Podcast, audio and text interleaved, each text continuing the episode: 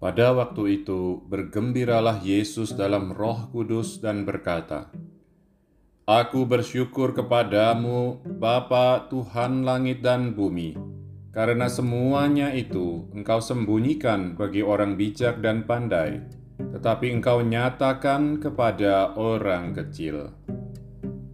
Sesudah itu, berpalinglah Yesus kepada murid-muridnya dan berkata, Berbahagialah mata yang melihat apa yang kalian lihat, sebab aku berkata kepadamu, banyak nabi dan raja ingin melihat apa yang kalian lihat, namun tidak melihatnya, dan ingin mendengar apa yang kalian dengar, namun tidak mendengarnya.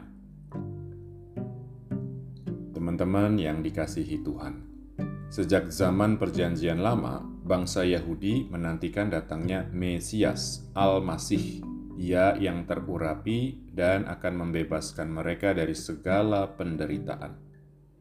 Ketika kemudian Yesus datang, Dia sungguh menggenapi nubuatan para nabi dalam Perjanjian Lama itu, sungguh menjadi perwujudan apa yang dinanti, apa yang diimpikan. Dialah Mesias Dialah yang diurapi Allah untuk menyelamatkan bangsa Yahudi, bahkan seluruh bangsa manusia. Dia datang untuk membebaskan manusia dari perbudakan dosa. Nah, teman-teman terkasih, kayaknya di titik itu ada konflik kalau pakai bahasa film. Orang Farisi, ahli Taurat, dan sebagian orang Yahudi nggak bisa ngerti dengan benar siapa Yesus. Makanya Yesus bilang tadi, orang bijak dan orang pandai nggak bisa ngeliat dan mendengarnya, tapi orang kecil bisa. Para bijak dan pandai itu punya pikirannya sendiri dan nggak bisa menerima tawaran kasih Allah lewat kehadiran dan pewartaan Yesus.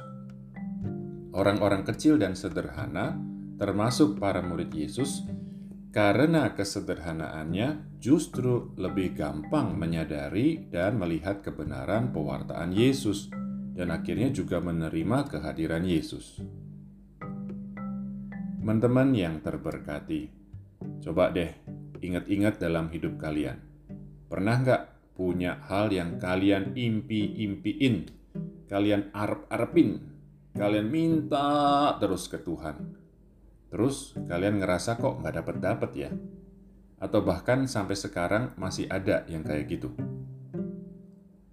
Teman sahabat Yesus, kalau iya, coba pikir, kenapa ya kira-kira? Mungkin nggak kalian bersikap seperti orang bijak dan pandai itu?